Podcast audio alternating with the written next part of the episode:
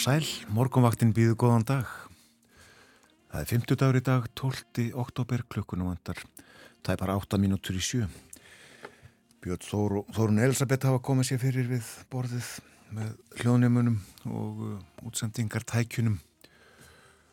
Reðbúin að haldin í daginn. Kolniða myrkur ennþá og uh, verður næstu já, einu halvu klukkustundina allavegana en uh, svo fer að byrta íbúar í efri byggðum höfuborgarsvæðisins þeir uh, fara út í snjó snæfi þakin jörð í efri byggðum segir í frétt á mbl.is annars er frekar kallt á landinu og uh, sínist fjóra gráður vera hæsta hitastíð á landinu þennan morgunin klukkan 6, þar að segja og nokkuð kvast við það þryggjastega hiti í Reykjavík uh, austan 8 metrar. Hiti við frostmark á Kvanneri og 11 metrar þar norðaustan. Fjóra gráður í Stikkishólmi allskíjað 8 metrar. Þrjár gráður á Patræsfyrði og 13 metrar þar. Tveggjastega hiti í Bólungavík og 17 metrar. Fór í 29 metra í Bólungavík í mestu kviðu fjórastega hiti á Holmavík og 17 metrar. Tvær gráður á Blönduósi 10 metrar þar, norðaustan 10 fór í átjáni mestu kviðu. Ein gráða á Söðunarsvita austan 14 hiti við frostmark á Akureyri þar snjóaði klukkan 6 fjóri metrar á sekundu hiti við frostmark líka á Húsavík þar var logg þryggjastega hiti á Rauvarhöfn 7 metrar Einn gráða bæði á skjaltingstöðum og á eigilstöðum, fjórir 5-6 metrar á sekundu eitthvað soliðis að jafnaði kvassara í mestu kviðum. Þryggjastega hitti á höfni Hortnafyrðu og austan 15 þar. Einn gráða á kvískerjum, norðaustan 11. Þrjár gráður á kirkibæðaklaustri og austan 17. Fjórastega hitti á Stórhauða og hægur vindur þar. Fjóra gráðu líka í Árnesi, 12 metrar, austan 12, svona viðraði á landinu klukkan 6. Og þá að horfunum, austan og norðaustan 10 til 18 metrar á sekundu en 15 til 23 metrar siðst fram eftir degi og sömulegðis á vestfjörðum. Slitta eða snjókoma með köplum en jél norðan til. Norðlægari átt og rófar til sunnan og vestanlands síðdegis og dregur úr vindi í kvöld og nótt.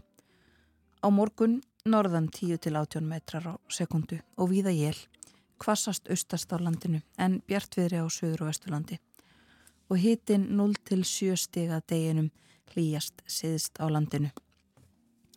Og það segir í hugleggingum viðfræðings kröpp og djúblægð sem í morgunsárið er skamt út af Reykjaneskaga reyfist austur í dag. Og eh, Það eru gular veðurviðvarnir í gildi fram eftir degi. Ökumenn eru kvartir til að kanna vel veðurspár og ástand vega áður en lagtir af stað. Og morgun er þessi lægð komin austur á færi og uh, það verður bjart og svar, svalt veðurs. Það lægir heldur á laugardag. Á sunnudag er vonu á enn einni lægðinni en svo lægð kemur með regningu eða slittu og hækkandi hita.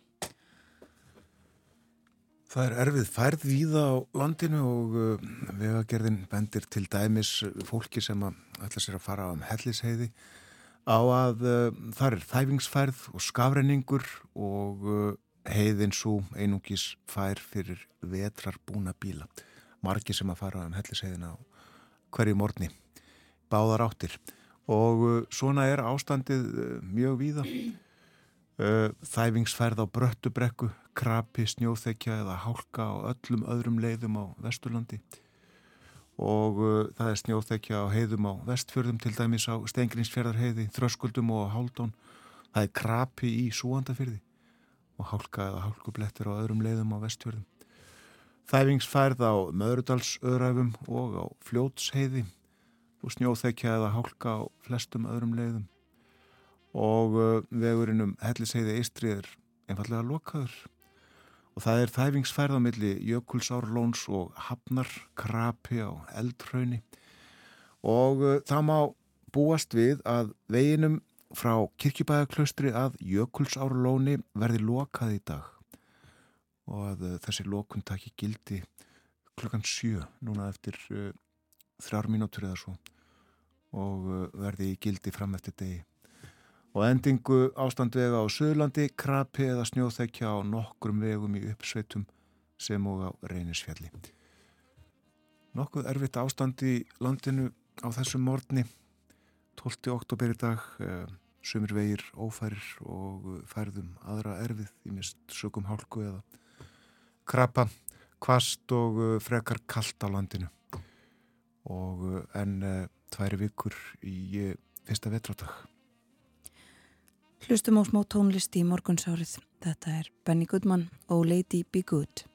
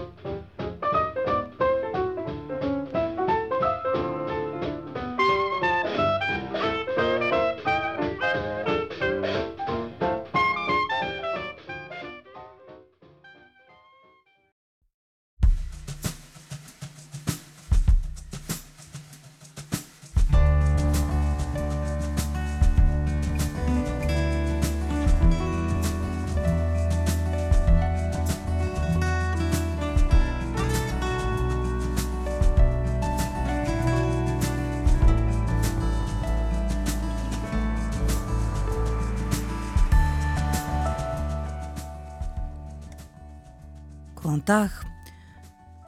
Morgumaktin helsar 5. daginn 12. oktober. Umsjónamenn þáttarins eru Björn Þór Sigbjörnsson og Þórun Elisabeth Bógadóttir. Og eins og vanalega er eitt og annað á daskra hjá okkur. Heimsklökin verður á sínum stað upp úr hálf átta. Með boga ágúsinni verður Hilmar Þór Hilmarsson. Hann er professor við háskólan á Akureyri. Og þeir ætla að ræða um bók Hilmar sem að koma út fyrra árinu.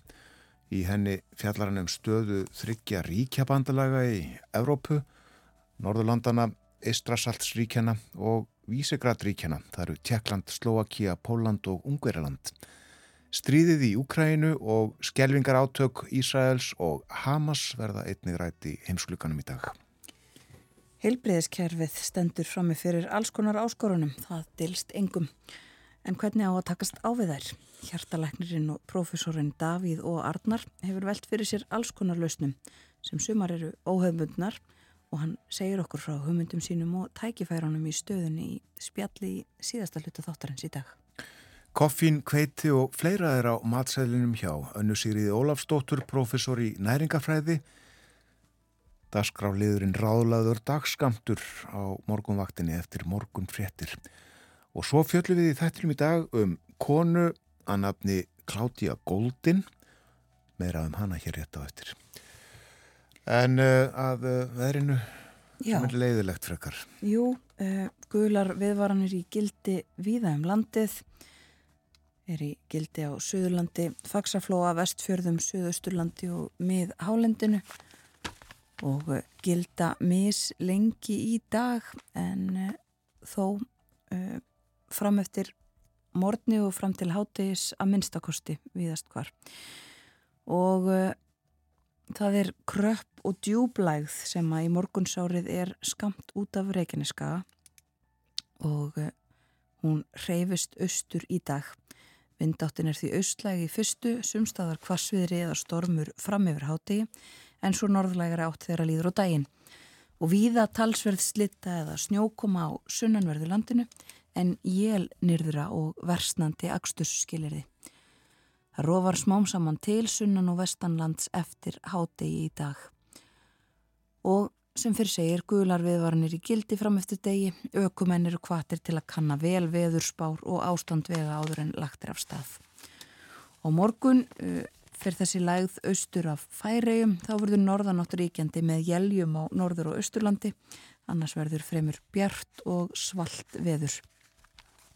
Það lægir heldur á lögardag en áfram verða jél á víð og dreif.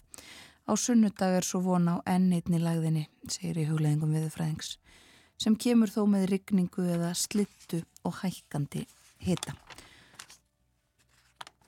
Svona er veðurspáin og í takt við þetta er eh, umferðin, uh, færðin á vegum um, erfið viða um land. Það er vetrar færð viðsvegar um landið, segir vegagerðin uh, og uh, það er líka í fyrsta sinn á höfuborgarsvæðinu á þessum vetri sem að snjór og krapi er á vegum að minnstakosti sumstaðar.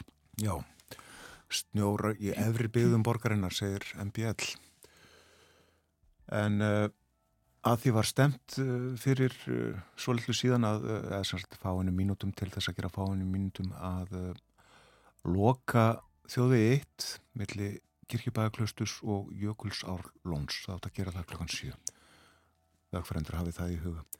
Og uh, það er líka vara við því að uh, það er þæfingsfærð og skafræningur á veginum um helliseiði og hún að sögnum við að gerðarinnar einungis fær fyrir vetrar búna bíla og uh, þæfingsfærð víða á hálendinu, uh, á fjallvögum vildi ég sagt hafa, heiðum og fjallvögum þæfingsfærð sumstaðar krapi, snjóþekja annar staðar og hálka mjög víða. Og þetta á viðum um allt landið. Lítum í morgunblæðið uh, byrjum hér á vísnahotninu sem að Haldur Blöndal sér um. Þar er, eru nefnilega vísur um, um uh, veðrið höstlægðir og uh, hér er til dæmis vísa eftir Ingolf Ómar sem að skrapp út í gróttu eins og hann gerir stundum að því að framkemur hér. Þar var talsvert rók og þá datt honum í hug kári, remur, svellur, sær, sortnar heiminn bunga, kolgan ymur, klappir þvær, kraumar bremið þunga. Og uh, hér er önnur höstlæð eftir Guðmund Arnfinnsson.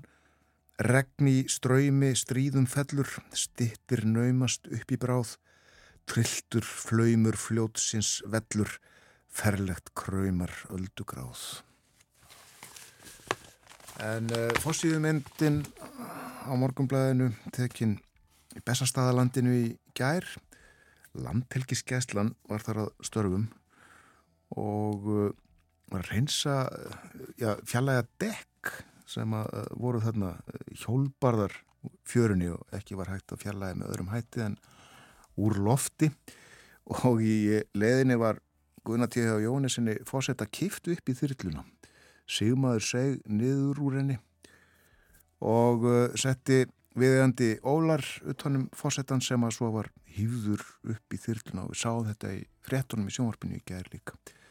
Sáum uh, þegar þessu var komið fyrir á honum, þegar hann var hýður upp og, og þegar hann kom inn í þyrluna og og þetta er sagt uh, einn styrsta, einn styrsta flugferð í sögu landinskeslunar hér í texta. Það er fjalla líka um uh, fyrirhugaða frekari uppbyggingu hlýðarenda í valskverfinu. Það var tvöfald að þetta hverfi að því framkemur hér í fréttmorgunblæðsins. Rúmlega 900 íbúðir munur rýsa við hlýðarenda á næstu árum ef áform fjárfesta og skipulags yfirvalda ná fram að ganga. Og verða þá rúmlega 1600 íbúðir í þessu nýja hverfi og íbúafjöldin meiri enn í hveragerði. Og uppbyggingin geti skila knaspinu félaginu val miljardatekjum. Fjallaðum þetta ítalega í morgunblæðinu í dag. Hvað er á fórsíðum erlendublaðina í dag, Þorun? Það má segja áfram séu atbyrðinir í Ísrael og á gasasvæðinu uh, ábyrrandi í erlendum fjölmjölum. Þeir uh, fá töluvert marga dálksentimetra um, viða. Það er nú orðið þannig samkvæmt nýjustu fréttum að uh, yfir 1200 hafa látist á gasasvæðinu frá því að Ísraelar hófu þar uh, árás sína og sami fjöldi fólks að minnstakosti 1200 sem að, um, er nú staðfesta letust í árásum Hamasliða á Ísrael um helgina. Og auðverkisráður bandaríkjana Antoni Blinken á leið til e, Ísraels að hitta e, stjórnvöld þar en mun líka hitta e, fórseta Palestínu Mahmoud Abbas. Og töluvert fjallaðum já, ímislegt sem að þessu tengist. E, Ísraelsmenn segjast vera að e, ráðast á göng sem að hafi verið gerð viða á gasa það, er, það sé skotmarkið eins og stendur. En þetta eru svona stærstu fréttinnar myndi ég segja utan úr heimi. Þennan morgunin þó að auðvitað kenni í misa grasa Og minnum á að eh, Erland Málefni verða til, auðvitað til umfjöldunar í heimskluganum og í Ágússon verður með okkur eftir uh, 20 mínútur eða svo.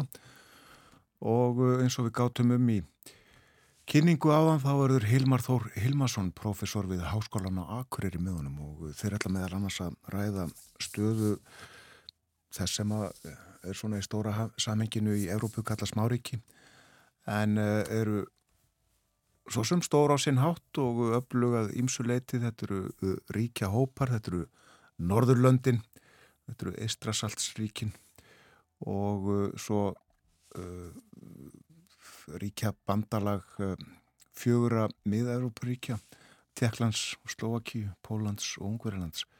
Hilmar hefur skrifað bókun um þetta já eins og áðursaði sem að koma út fyrra árinu og uh, þeir ætla líka að uh, fjalla auðvitað um stríðið í Ukrænu og, og uh, átök í Sæls og Hamas. En nú að öðru, fyrir vikunni var upplýst um handhafa Nobelsverðlaunana í Hagfræði í ár. Ég segi Nobelsverðlun en uh, það er ekki alveg hárn ákvæmt, þetta er í raun hagfræði verðlun Sælabanka Svíþjóðar en þau eru veitt í minningu Alfreds Nobels og uh, eru einmitt veitt um sama leiti og hinn eiginlegu Nobelsverðlun. En þau eru í uh, efnafræði, eðlisfræði, læknisfræði, í bókmyndum og svo höfum við auðvitað fríðarverðlunin. En handhafi hagfræðiverðlunana í ári er Claudia Goldin, hún er bandarískur hagfræðingur og hefur engum rannsakað þáttöku og afkomu kvenna á vinnumarkaði. Og í símanum hjá okkur er Herdís Steingrímsdóttir, dósent í hagfræði við Copenhagen Business School, viðskipta háskólan í Kaupmannahöfn.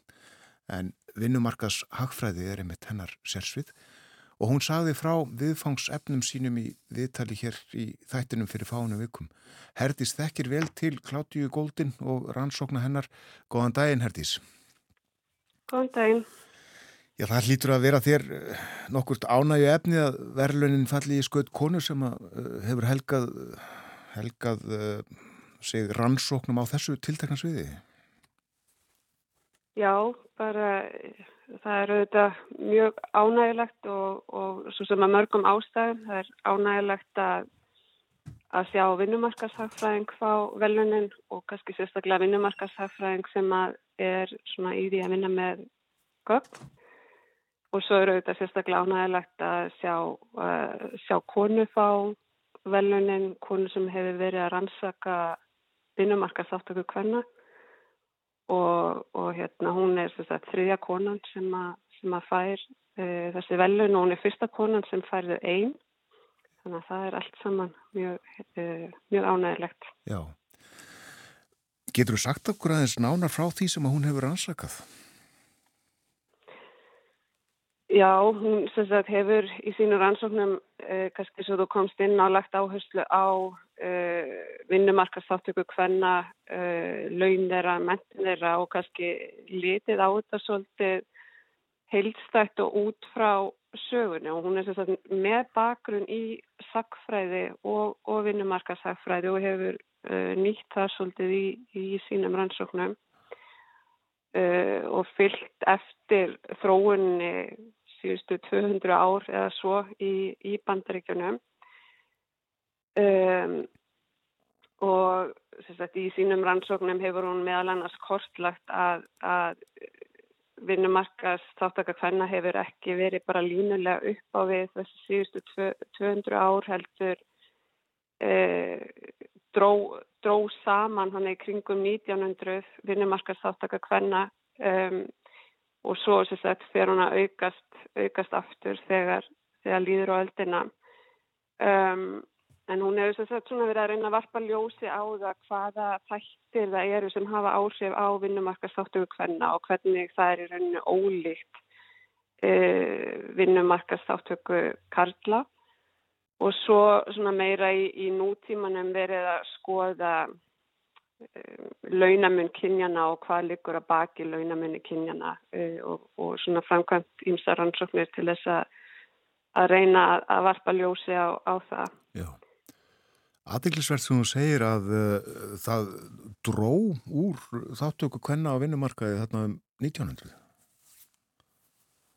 Já, og þá er þess að það sem liggur að baki er í rauninni að vinnumarkaðin er svolítið að fara út af heimilunum og, og bæjunum og inn á uh, inn í borginnar og inn í verksmiðunar og þá þurfa konur í auknum mæli að aðskilja í rauninni fóreldraflutverkið og svo vinnumarkastáttökuna og þá draga þær sig uh, draga þær sig svolítið út af um, út af vinnumarkaðinum.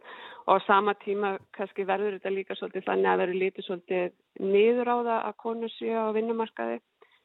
Um, og svo í rauninni uh, fer þetta svona svona smá saman upp á við aftur en í raun og veru gerist það mjög hægt þanga til kannski 1960-70 að við förum að sjá þessa söðu aukningu um, á vinnumarkastáttöku hvenna. Og uh, launamunurinn, launamunur kynjana, eitthvað sem hún hefur líka skoðað og já, rannsaka sérstaklega. Já, uh, og hún hefur sagt, gert nokkrar rannsóknir svona frá ólíkum sjónarhornum þar sem hún reynir að, að varpa ljósi á að, hvað liggur, liggur þar að baki. Um, einn svona eftirminnileg rannsókn sem hún gerði sem að þá vildi hún skoða hvort það væri eitthvað mismunum á, á vinnumarkaði, hvort það væri hluti af, af ástæðinni og svona í fræðilegu hagfræðinni þá viljum við svolítið, að hagfræðingar svolítið vilja horfa það sé eitthvað mismunina því að í rauninni því rauninni myndi ekki vera röggrætt fyrir vinnuveitendur að ráða að kalla frekar en konur að þeir geta fengið betri konu til verksvis og það væri heldur ekki röggrætt að greiða kalli harri laun ef þú getur fengið konu fyrir læri laun til þess að vinna sama verkefni. Þannig að þeir hafa svona kannski svolítið vilja horfa fram hjá því að, að mismunum sé hluti af sögunni en það sem að hún gerði einni rannsókn var að skoða ráðningar í, í symfóníuhljómsveitir í bandaríkjunum Já. og hún sem sagt skoðar hvað gerist þegar áhernaprófin fara frá því að verða opinn og í það að verða svona blind áhernapróf þar sem að er eitthvað svona skjára milli þeirra sem eru í prófinu og þeirra sem eru að hlusta og ráða. Og, og sagt, í þessar rannsók sé hún bara frekar mikil og marktæk ásif á líkunar á því að konur séu ráðnar í symfóliuhljósetina þegar áhengnaprófin verða, verða blind sem að svona síndi, eh, síndi bara vel fram á það allavegna í þessu tilfelli var einhver óútskýri mismunum að eiga sér stað sem að í rauninni kvarf þegar vinnuveitundinni gátt ekki séð hvort þeir voru að ráða kalla eða konur. Þannig að það var svona einn ein stúdía sem hún, hún gerði sem að e, vakti miklu aðtikla á sínu tíma. E, svo sagt, gerði hún aðra stúdíu þar sem hún fylgdi eftir e, eh, MBA-nemum úr bestu háskólum bandaríkjana fylgdi þeim eftir í, í held í 15 ár. Og, og sagt, þeirra vinnumarkast þáttöku laun og svo frammeðis og, og það sem hún sér að er að þegar nefndunur eru nýjútskráður á MBA-náminu að þá er engin munur á launum kalla og hvenna um, á vinnumarkaði. En svo eftir því sem lengra líður frá útskriftinni fyrir að myndast bil á milli launana og verður bara meira og meira eftir því sem lengra líður frá og svo fyrir hún að skoða veist, af hverju gerist þetta og hvað er í gangi og hún sér að, að hérna, konunar eru jú meira fjárverandi og það er að vinna stýttri vinnuvíku en, en kallarnir en það sem liggur þar að baki eru batneignir þannig að það er þegar konunar fara eignast börn og þá fara að sjá þessi áhrif á þeirra vinnuframlag og meðan e, það virtist ekki hafa neyn áhrif á, á kall, e, kallnefndunar. Já. Þannig að, að hérna, þetta var svona, og svo hafa margir fyllt þessari stúdíu eftir og skoða þetta í meira almennt e, fyrir vinnumarkaðin og í öðrum löndum og þetta við bara vera svolítið svona það sem er í gangi líka hérna á löndunum í kringum okkur, þetta hefur verið gert í Danmörku og og það sem við sjáum bara heila nákvæmlega sama, sama minnstur og hún hefur óumdælilega lagt mikið til til skilningsstöðu hvenna á vinnumarkaði og, og, og þá á bara vinnumarkaði almennt og samfélugum Já, algjörlega og kannski stærsti hlutin að ég bara draga svolítið þennan hluta vinnumarkaðins inn í rannsóknir. Það er kannski bara ótrúlegt að hugsa til þess að segja frá því en það er ekkit langt síðan að eila allar vinnumarkaðsrannsóknir innblýtu engungu á, á kallmenn Uh, og það er kannski lág að baki að, að fólk gerir sér grein fyrir að það voru ekki alveg sömu, sömu lögmál sem að lág að baki þegar þú skoðar uh, kalla og konur á vinnumarkaði. En svo líka það að, að þetta var svolítið bara litið á það sem að það væri ekki jafn mikilvægt að, að skoða, skoða konur á vinnumarkaði. Og, og hún er svolítið brautriðandi í því að draga þennan stóra hluta vinnumarkaðans inn í, inn í rannsókninnar Já.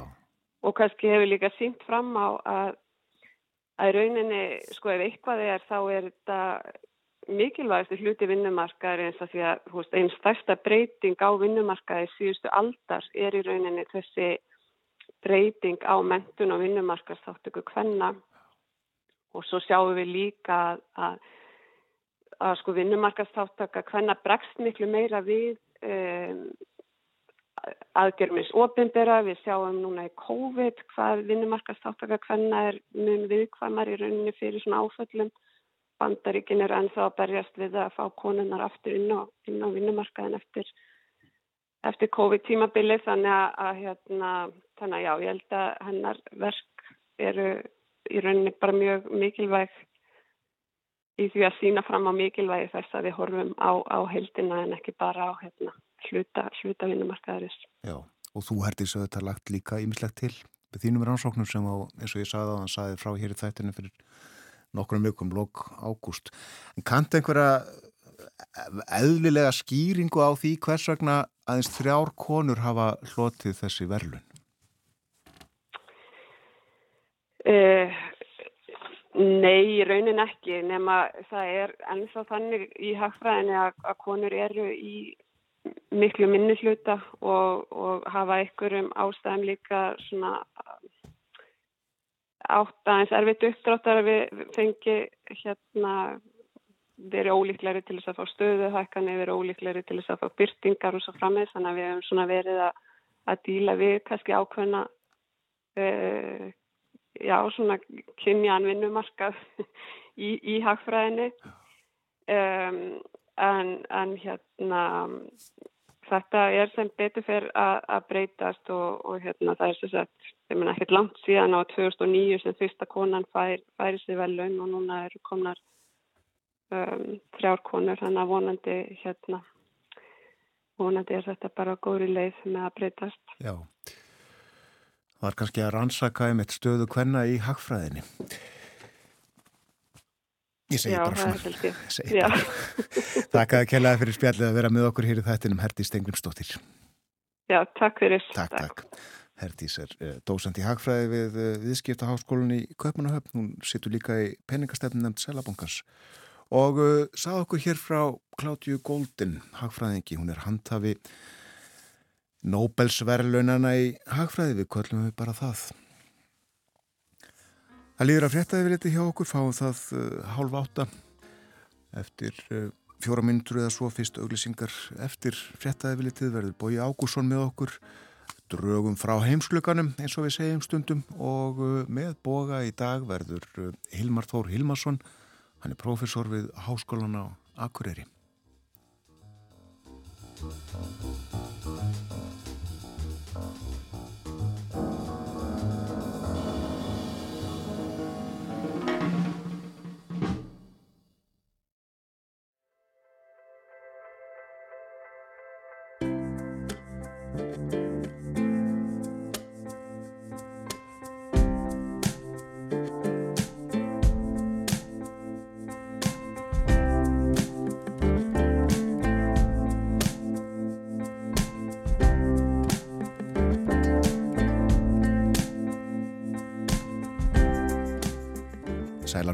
Ný, þér að hlusta á morgunvaktina á Rás 1. Það er 50 dagur í dag, klukkan réttliðilega halv átta. Já, komin 12. oktober og ófært víða um landi eða þungfært, illfært, um, leiðinda aðstæður í landinu, um, veðrið leiðilegt mjög kvast víða, það er snjóað og um, fólk þarf að búa sér vel, fara í úlpu eða frakka eða kápu og mælum með treflum og húfum líka á þessum orði. En uh, hjá okkur er sestur Bói Ágússon, það er komið að heimsklukkanum, góðan dag Bói. Góðan dag Þór. Tekur undir það er það ekki, að það er betra að búa sig vel í dag? Ég held að það sé ráðlegt að búa sig vel í dag því að uh, við skulum bara trúa við, við, viðstofinni. Eina af þessum líkilstofnunni samfélagsins sem við trúum og tristum. Það er rétt. En uh, það er komið að uh, umfjöllunum Erlend málefni. Já. Uh, gestur okkar á þessum mótni er Hilmar Þór Hilmarsson sem er professor við Háskólan á Akureyri. Fyrir á þessu ári þá kom út bók eftir hann sem heiti The Nordic, Baltic and Visegrad Small Powers in Europe. A Dance with Giants for Survival and Prosperity. Það er segja Norðurlönd, Eistarsalsríkin og Visegradríkin Eh, smáríki í Evrópu, eh, dans við eh, risa til þess að lifa af og komast til áluna getum við sagt eða lifað af allavega. Velkomin Hilmar Þór. Takk fyrir. Um, það er ekki allir kannski hlustendur með það á hreinu hvað vísigrætt uh, löndin eru. Að vissu segir þú hér small powers in Europe en eitt af þeim er Póland sem að verðum ekki talið smáríki. Já, það er alveg rétt að sko, vísigrætt löndin eru fyrirverandi leppríki Sovjetríkjana. Það er ekki eins og, Eistrasastríkin, Ísland, Lettland og Litaðum sem voru síslur í Sovjetríkjanum, voru hluta Sovjetríkjanum.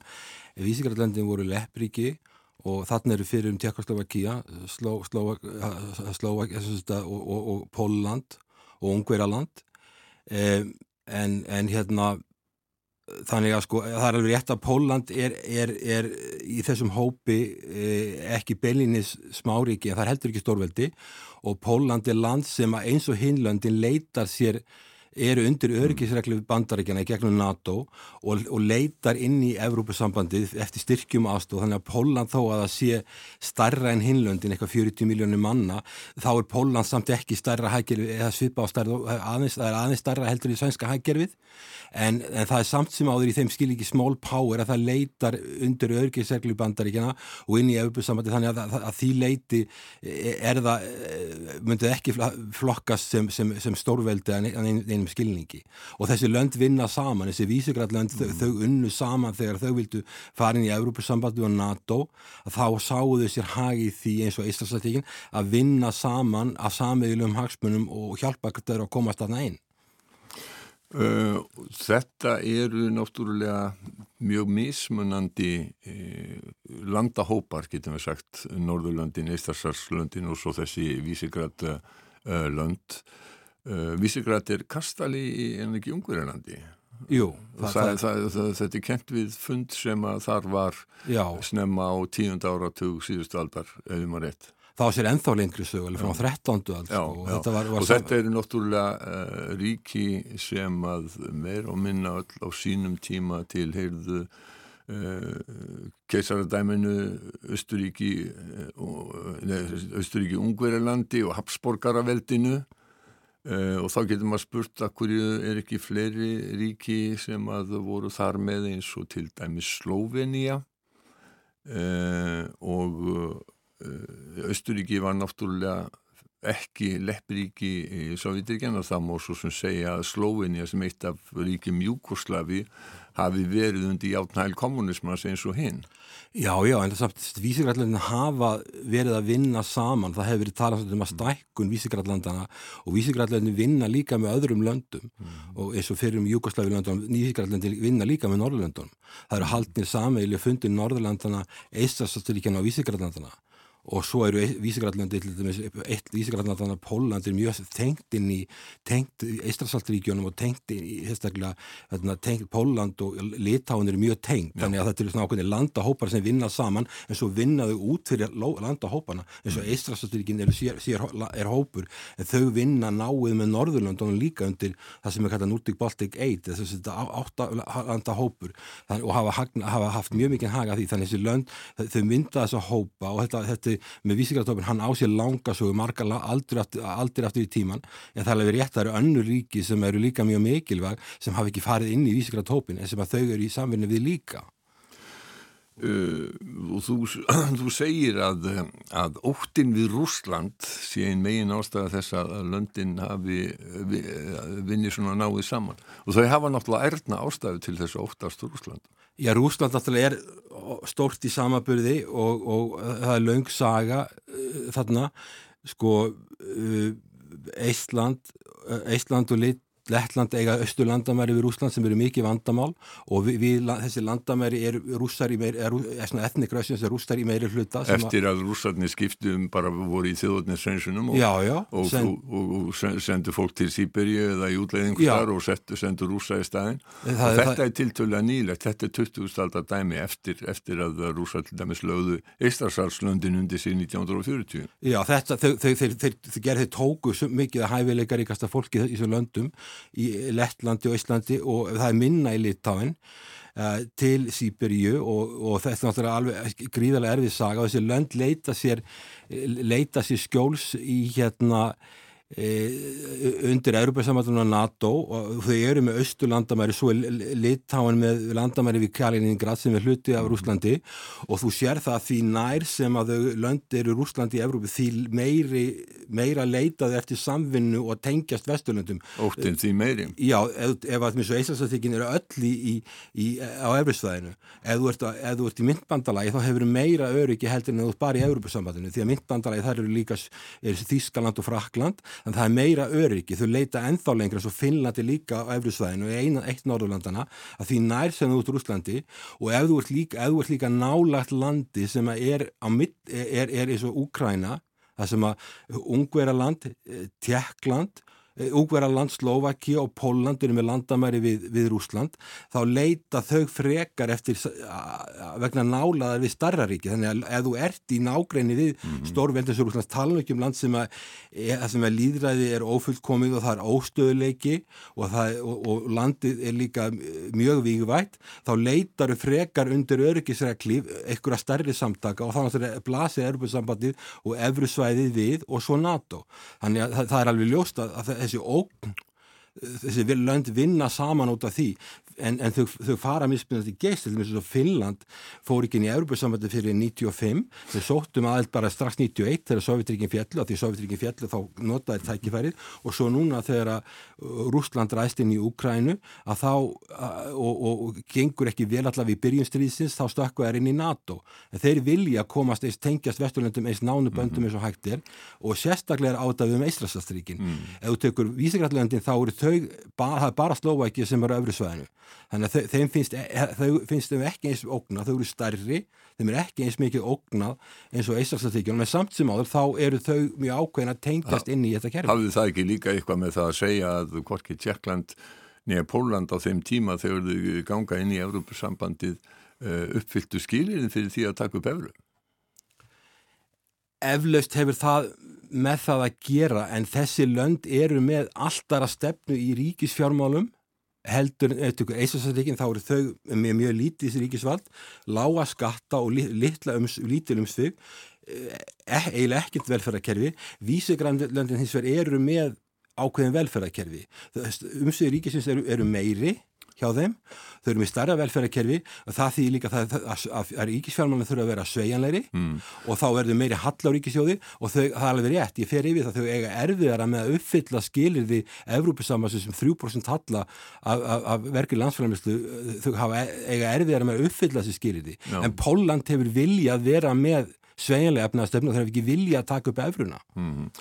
uh, En gildi það sama um, um já, til dæmis lönd eins og Tjekkland uh, og uh, Ungveriland, ég bara þekki ekki, við vitum það að lönd sem ekki eru með efru sem formlega mynd eru þó tengt efrun eins og danska krónan sem að er bara í rauninni, getum við sagt annað hitti og danst heiti á efru því að uh, krónan er tengt efrunni sko, da, já, Danir höfnuðu maðursamkvæmuleginu á sínum tíma. Jú. og þess, þess vegna fengu þeir opt átt þessi svo kallar, þeir þurfu aldrei að taka efruðna upp en þessi lönd hins þú nefnir öll vískræðlega verða á einhverju tímanbili það er bara bara að taka efruðna upp þú verða að taka efruðna upp eins og svíjar verða að gera til einhverju tímanbili það er bara ekki tímasett og erbjörnsambandi þrýstir ekki á það því það er ekki eins og svíð þá var efruðna hafnað í þjóðaverðarskakrislu og þá veit erbjörnsambandi það þýðir ekki að þrýsta á það.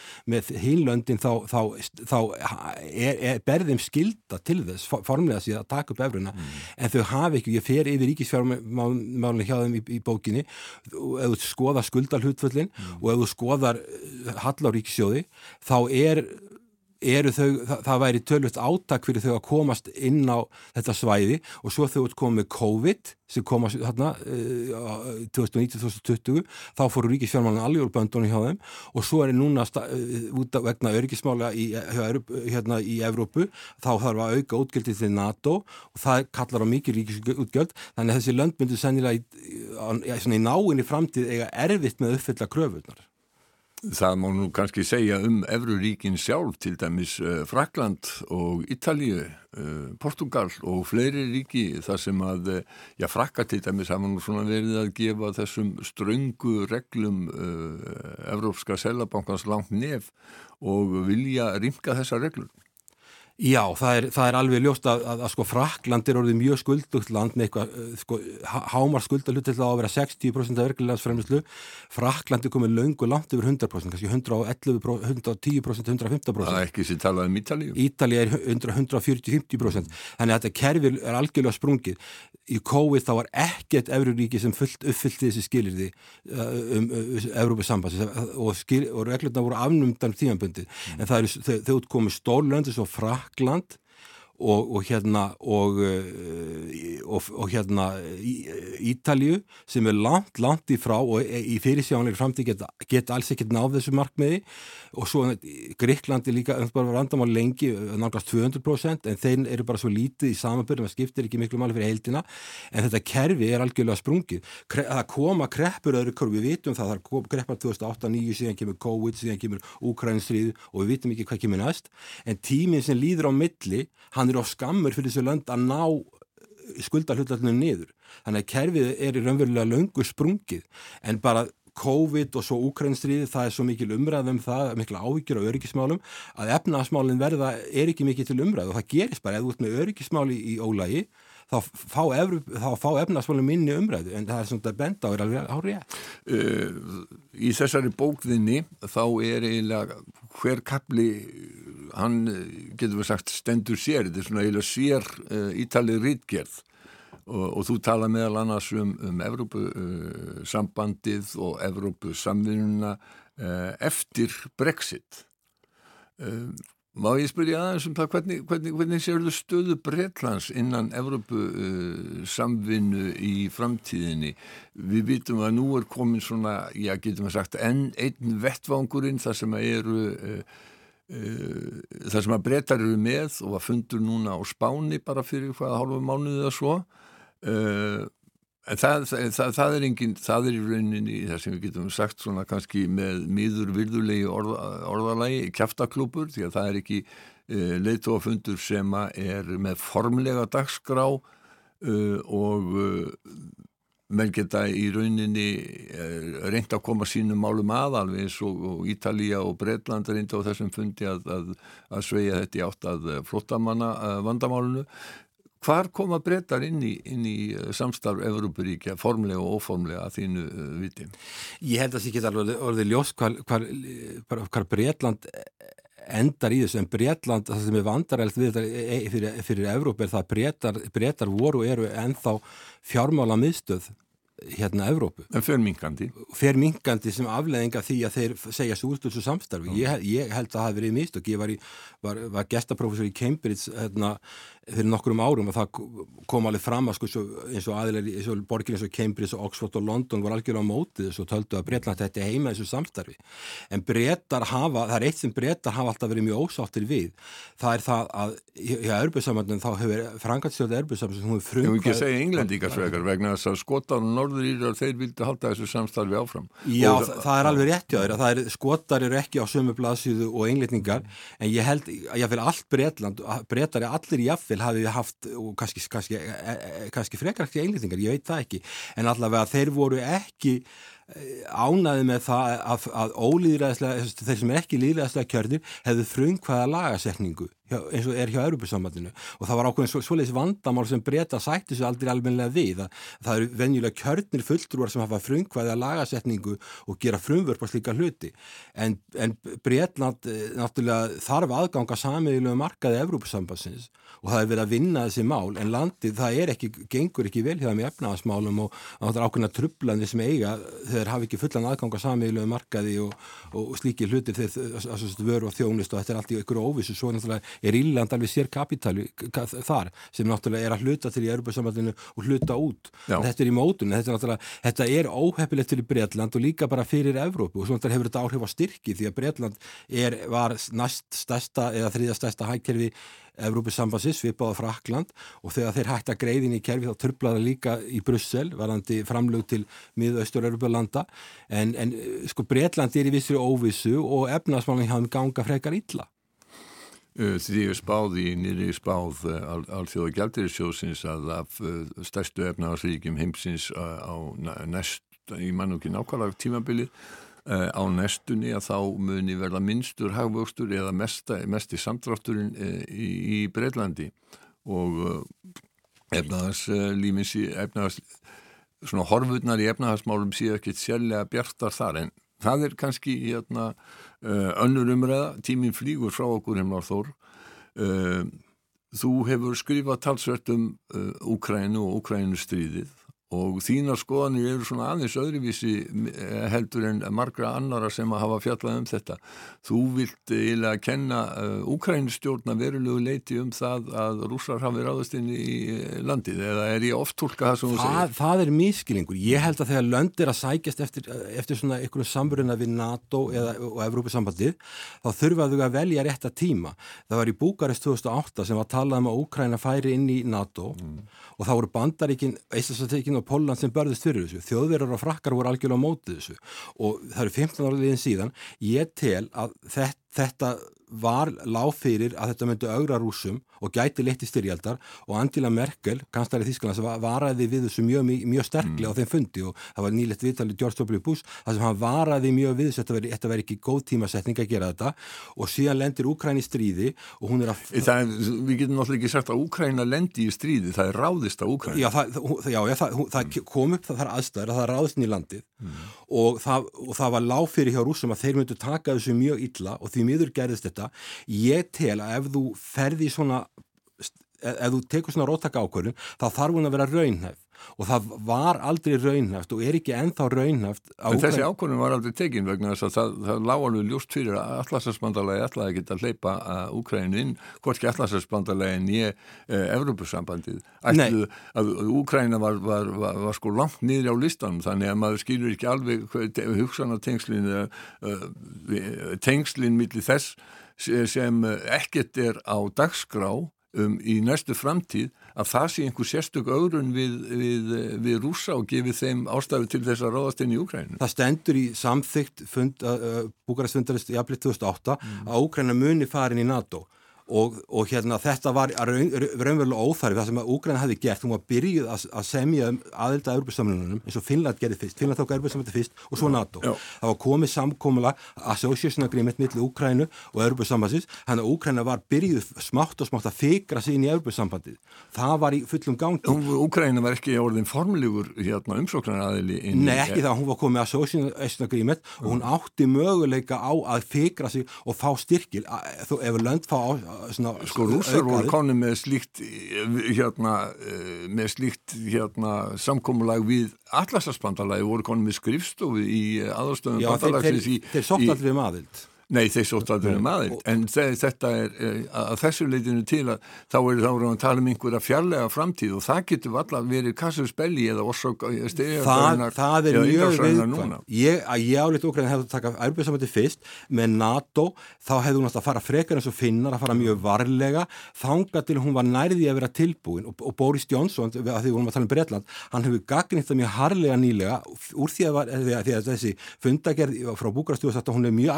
er mm. að þá hefði NATO átt að vera tilbúið að taka við Úkrænum einhverjum hætti og raunverulega veita full aðild. 15 ári er allt og langu tími og þetta skapast óvissu ástand og því miður hefur Úsland þess að söga að vera svona aðili sem að er tilbúin að ganga lánt og þeir ráast á landi. Ég vil bara segja hérna bara aggressífir kakvað sínum uh, nábúum og, og... Það eru allt stórveitið þannig, líka, Kína er svona líka og bandaríkinn eru svona líka þau bara bú ekki í landin nákvæmlega í land, land sem ógnar þeim. En ef, ef, ef, þú, þú ekki kúpudelina hvernig þeir tóku hart á því þegar að Það er náttúrulega kannski skiljaðan þegar að sovjetmenn voru að koma upp kjarnorku uh, hérna, eldflugum uh, svona í, í, í bakgarðinu hjá bandaríkjum en, en, en við, tímin er að hlaupa frá okkur þannig að við skulum ekki fara eða tímanum í, í kúpudelina en það sem að ég er að tala um hins vegar er það að það sko það, mér finnst mér finnst eiginlega út í hött að kenna úkrænumönnum og ákvörðunum þeirra um það að rússar Ég,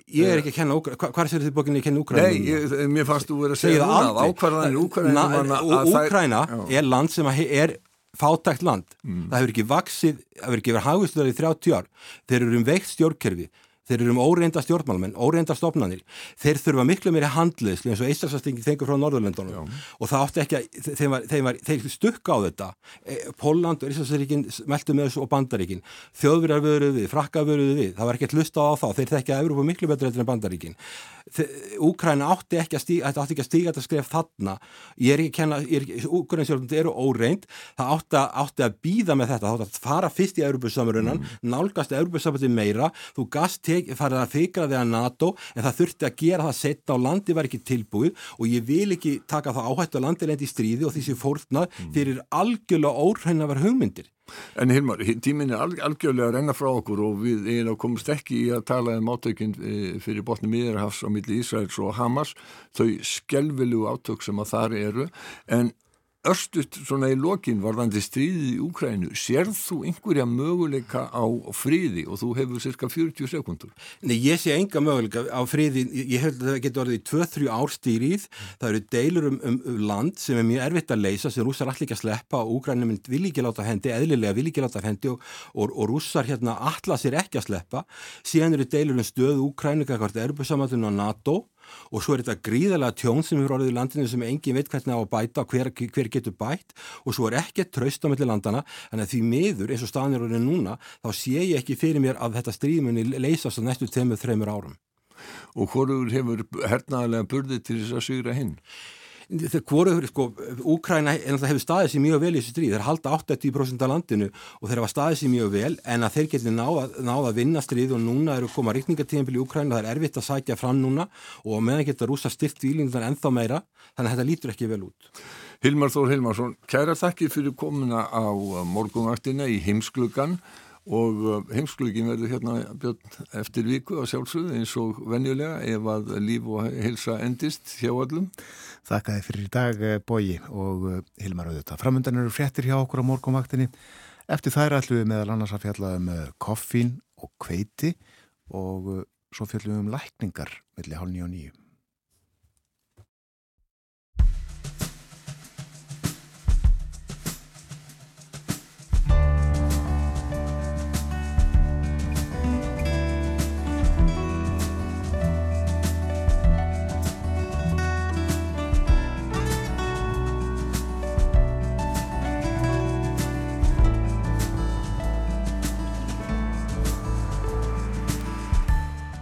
Sæl á ný, þetta er morgumvaktin á ráseitt, klukkan farin að ganga nýju, það er 50 dagur í dag, 12. oktober og uh, það snjóaði nokkuð í nótt, snjóaði til dæmis uh, á höfuborgarsvæðinu og uh, snjófest í efri byggðum.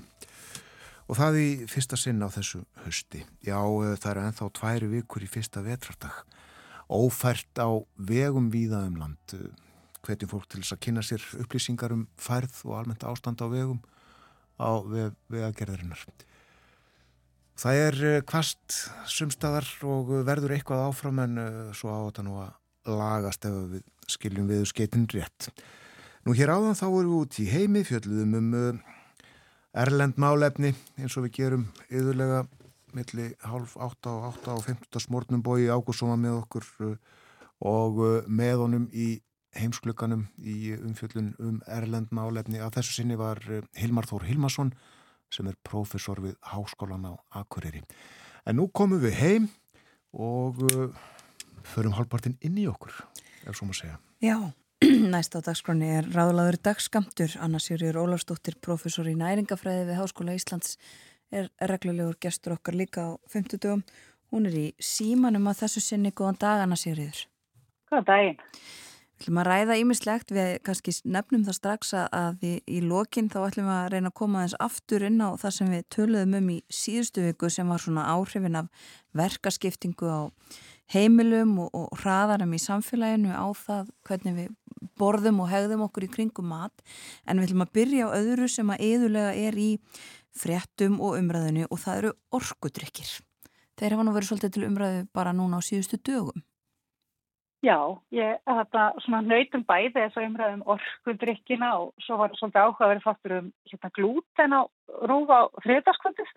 Þannig að það er svona kannski verið að nota svona svolítið stefi í dag en við erum auðvitað búin að ræða svolítið kannski koffeinið og kaffið og orkundrykkina þegar við hittumst á mótnana og hérna ég finn nú bara svolítið fyrir því núna því að ég er ekki að halda minni hefðbundir rútínu að ég glemt að fá mig kaffibotlan, hann er að Það má sjá hvort að mér tekst að einbeita mér að efni dagsins svona án koffins í kroppnum. Það er til dæmis rannsóknir sem sína svona, sko, fyndna rannsóknir sem sína til dæmis að viðbráðsflýtir á mús er hraðari á mótn til ef þú ert búin að fá hérna koffeinu þitt. Og þannig að það er svona eitt og annað. En, en, en auðvitað ef við horfum á orkudrykkina þá er þetta svona ákveði áhyggjafni og þá sérstaklega ungmennin okkar. Og þannig að ég var með erendi á mentakvíku sem er ráðstöfna á mentavíslisviði Háskóli Íslands núni í lóks eftirber og þar var fylgt af mjög áhugaverðum og fjölbreyttum erendum en e, minn hópur var sem sagt búin að vera að skoða gögn og nýlæri e, rannsókn íslenskri eskulegs rannsókninni sem er gagnusöfna sem fer fram á vegum mentavísindastofnunar við Háskóli Íslands. Og þetta eru gögn frá 2022 og þá sjáum við bara aukning á þessari daglegu orkudrykjanislu hjá ólingunum og þá sérstaklega í tíundabekk er orðin gríðarlega mikil. Því að það er um 8% sem er að brekka þá uh, í tíundabekk orkudrykki daglega eða ofta dag. Og meðan þetta er 1-3% yngri brekkjana það er að segja sjötta á áttundabekk og þannig er þetta svolítið sko, það er mikið af rannsóknum og, og tölum um orkudrykja neistlu að mikill áhí á þessu viðfánsöfni bæði Íslandi og Evrópa af því að þó að þessi búið að vera viðbærunar orð og er einu að vera svona reynd að stemma stegu við þessu öruglega síðust tíu árum þá verðist bara ekkert ganga trapp þetta niður, þannig að það er frekar aukning en hitt og, þarna, og það er til dæmis í dag bara innan við helmingur nefnda í tíundabrekk sem aldrei drekja orkudrykki. Þannig þetta er orðið ótrúlega almenn var og, og, og áhyggjurnar kannski snúast fyrst og fremst af þessu þegar þetta verður að einhverju sem er uh, þú veist daglegt endurtikja og dettur í enan vítasing sem er að verða háður koffinu sem eru þetta bæði áfana bindandi efni og veldur frákvars einnkjörn. Já. Emitt og, og það gleymist kannski stundum. Já og, og það er bara þekkt að koffin er miklu magni sko, það veldur hjarsláttartröflum, hækkum blóðfristingi, höfuverk, svima, ógliði, kvíða og svo framvegis, þetta mm. hljóma svolítið óhugnilega og svo hefur þetta náttúrulega líka neikvæð áhrif á svefn það er kannski svefnbránsóknirna sem hafa þá enn og aftur líka auki mjög áhugan á, á, á þessu eins og áhrifin á börnin þá sérstaklega og af hverju þetta er sérstaklega óæskilegt fyrir þennan hóp. Og þannig að það sem við ákvaðum gera var að horfa þá sérstaklega á í raun og veru þessa þætti að skoða bæði andlega og líkamlega líðan í tengslum við uh, þennan hóp sem oftast drekkur orkuður ekki sjóman borið við úlingar sem drekka sjálfnast og þá er bara svolítið óhugnulegt að við sjáum sem sagt að andlegin líðan er vestmeðal þeirra sem oftast drekka orkudrykki er eiga erfitt með að sopna, svepptíminn fyrir stegum nýttandi með aukinni neyslu, eh, það fara segna að sofa og það er meiri þreita á skólatíma. Við þetta bætist svo að þau tilgreina frekar ímis líkamlegu andlega enginni sem hafa þá hrjáða í síðustu vikuna, svo sem svimi, höfðaðarskur, magaverkur, bakverkur, deppur, byrjingur, kvíði. Þannig er raun að vera allt sem eru svona líkamlegir og andlegir þættir eru stegvaksandi enginni með aukinni tíðni neyslu. Og ég held kannski við sem foreldrar erum ekkit alltaf alltaf meðvituð um þennan vítaring og hvernig þetta sko að fyrir markasetningin eru þetta líka bara fjöliðu vel, þú verður hressu, fyrir árvandi þannig að, að, að markasetningin er gríðarlega jákvæð og gefið myndað aukinu orkað, dræjur, freytu, auki árveikna, innbyttingu og jafnveg þá líka í tengslu íþróttir. Þannig að, að svona áhættan sem fylgir er kannski miklu, miklu meira en við hugsaum um dagstælega. Já, akkurat og þetta er markasettu þetta uh, töluvert af þessum aldurshópi, er það ekki? En, en... Jú, fyrst og fremst og, og það er svona það sem ég kannski vil ítrekka og ég vil benda það til sem ég líka þeir sem vilja kynna sér bara áhrif kofeins betur og það er mikið til að góða efni bæði inn á heilsuveru og svo var áhættu skýrsla gefin út af mast 2020 sem að ákveður þetta fínu til dæmis að, að sko friðjungur þeirra ungmennar sem drekka orkudrykki fara yfir hættumörk í koffeinmagni sem væri það þessi hópur sem ég er að lýsa hérna svolítið mm. að, að, að sko þessi ábyrg sem fylgir markasetningu og þessi gróði sem er kannski settur framar heilsu sjónamiðum og svo fyrirmyndirnar í uh, áhrifavöldum og öðrum sem smita út frá sér að þetta er svolítið sko, já, maður bara vestur á fyrir sér sko hvað er við það hvernig getum við náð fram breytingum? Fyrst að hefur ekkert gæst allan enn tíma. Mm -hmm. og, og, og þetta er eiginlega stef sem að þetta er inn í eftir og aftur að ég færi mig svo yfir í, í, í glútinu en ég ætla samt að nefna kaffin að er inn í hætti það er svona en, en, en sko þetta það er aðstæðið því svona þú veist þegar við erum komin í, af því að nú flokkast með sorskudrykkinu til mikið unnenar vöru, til, til gjörunum matvalana sem við erum búin að tala svo mikið um, mm -hmm. að þarna er þessi svona yðnaður einhvern veginn er að hafa svo mikið að segja. Svo erum við með kaffi sem er kannski svona hefðbundnari og drikkur sem hefur fyllt okkur í gegnum tíðina. Og margir foreldrar og aðrir svona segja við mig, ég meina við hefum hef náttúrulega í kaffi og akkur erum við að hafa svona miklar áhugir orkudrikkunum í samanbyrði en það er akkur annars vegar aldurshópurinn sem að kannski miða þeir að og svo þessi ólíka nýstlu hegðum, það er að segja þetta er svo ólíkt hvernig þú drekkur af því að heitur drekkur er öðruvís en kaldur drekkur, þú getur ekki styrtaðið þig heitum drikk, þú þambar ekki kaffi. Og nærði ekki einn sama magni. Eh, Sætabræðið á móti beskabræðin er líka svona að þú getur ekki mikið að beisku bræðu, þú fær einhver tíma nóg þá að það sé alveg til að fólk standi við könnun alltaf daginn, þá hefur það til dæmis líka svolítið breyst, kaff er ekki lengur svona þessi ofurdrykkur sem hann var kannski um síðust aldamót og þannig að, að þetta eru svo náttúrulega bætist við að, að, að í ork, orkudrykkinum eru líka að fleiri örfandi efni, það eru sæta efni sem eru líka hafið áhyggjur af og hefur verið svolítið talað um uh, og svo muna kannski margir eftir að það eru líka ofta aminosýrur og jæfnvel vítamin og það var eitt drykkur sem var markasettur svona mjög öfluglega á síðasta ári og mörg ungmenni stökku á og þá var mikið fréttum um að það var alltaf mikið A-vitamin fyrir börnum þar. Þannig að alltaf þeirrin komið með þessa tilbúinu vörur og svona eiginlega marka þetta vöru sem eiga að vera með einhver svona sér heilsufarsaleg áhrif, þá erum við stundum komið bara alltaf staðra mynd af nýstlu vennjónum. Já. En, já. Akkurat. Þannig að koffinnið er, eða þess að segja, kaffið er ekki eins unnin matvara og orkudrykkinir eru. Að... Nei, og, og við erum ekki að fá sko sama magn í einu af koffinni og getum ekki að pratt. Einmitt. Þannig, já.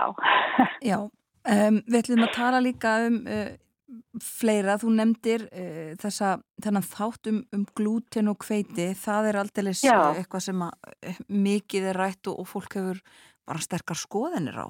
Glúten og glútenóþólu og, og, og fleiri slíku. Já, og, og glúten er í sjálfu sér ekki slægt og glúten er svona prótin sem er náttúrulega til staðar í kottegundum eins og kveiti byggja og rúg og þjóna sem tilgangi að það er eins og bindefnið að halkist lím og gefur tegjanleika til dæmis eftir deg þannig að þú hefur búið til og nóða bröðdeg sjálf þá sérður galdurinn sem verður þegar þú uh, byrjar á nóða degi þegar vökvinn kemur sama við fyrst kveitu og það verður til þessi, þessi tegjanlegi massi sem er mjög mikilvægur. Og þetta þá líka verið að nota náttúrulega sem sáöfni í okkur ímis unninum átvæli Þannig að dag að þá erum við ekkit endilega að horfa á sko glútur einskorist við uh, brauð og kornverur heldur meiri síðan sko er talsveit glúten í sumum lágkólvetna brauðum til að ná fram þessum bindi eiginleikum svo af því þetta er prótein það er verið að nota líka sem próteinbætingu í ýmsarvörur og gefur áferð bræð og bindi eiginleika. Þannig að, að, að það, þetta er svona ekki lengur jafn gagsætt hvar, hvar við erum að fá uh, glútenið og það er eitt af því sem er rætt þetta í þessum fætti að það er okkur þetta sko að, að, að, að hvað bara vöru frambóð og hvernig vörur eru framleitar hefur breyst svo, svo mikið. Og þá líka hvort að þetta sé sko annars að glúten ófól, heldur glúten ófól er tiltúlega sjálfgeft að vera að tala um uh, 1% og upp í nokkur prosent sem eru með það. Og í því felast á breytingar í þarmastímhúð sem eru áhrif á meldingu með tilhægndum meldingar, tröflunum og verkum og kemur í vegfri í raun og verið eðlilega nýtingu næringarefna og meðan svo er svona uh, glútennæmi, það sem er meiri viðkvæmni. Og þetta verist verið að hafa áhrif bæð og farmaflórun og annað, en það er miklu, miklu starri hópur sem er með þessa viðkvæmni heldur en raunverulegt glúten ófól og svo hefur verið talað um þetta glúten umræðan í raun og verið ekki ennu aftur upp að þú fær þessa tilfinningu.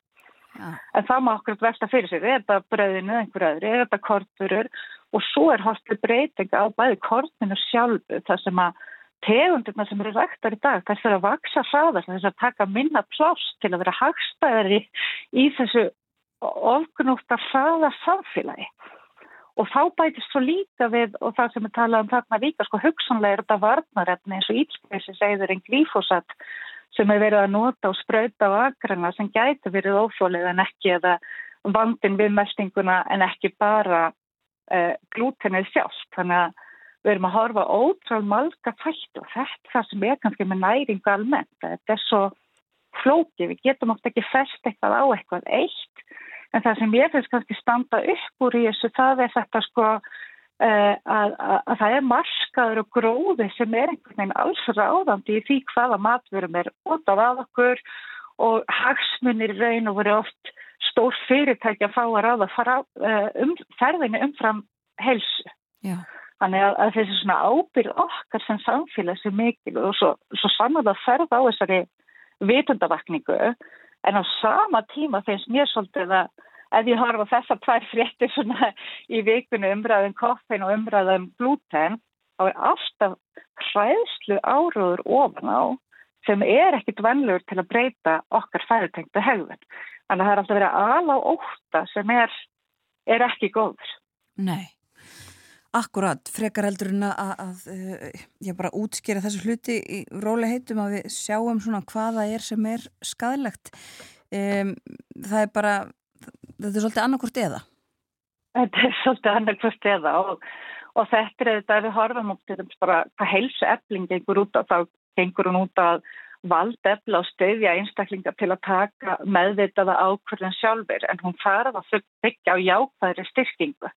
Og það er eitthvað sem við þurfum bara svolítið að kalla eftir að fjölveila séu með okkur í og vitundavakning í samfélaginu almennt og, og, og fyrir mig að ég á að segja sko hvað ég að draga frá, fram í þessu svona sem ráðlega dagskamt vikunar þá er þetta bara einu sinni sem oftar þetta að horfa sér nær, belja meira venjulegum mat sem er næri upprýnum sínum og það draga nýst að gjörunum matvalum Já. og það er með flokkast á bæði versmiði unnin brauð, brauð er svo víð kategóri að það er ekki hægt að segja veist allt brauðið slæmt, heldur það er bara mikil, mikil eh, grófskapnum, við getum verið að borða frábær brauð með mjög góðu grófu kortmeti og, og, og svo er önnur kannski svona minna til þess fallin að vera góðu nýsli vara og svo er orskudrykkirni líka hérna í görunum vatvala, þannig að þetta er svona, þetta setur okkur aftur að því að að tala um þú veist að fara aftur í umræðuna síðast. Mm -hmm. að þetta setur okkur aftur í þetta bara hugsa um hraðan í samfélaginu okkur hvort heldur sem er ræðan og tímaskortin í kringum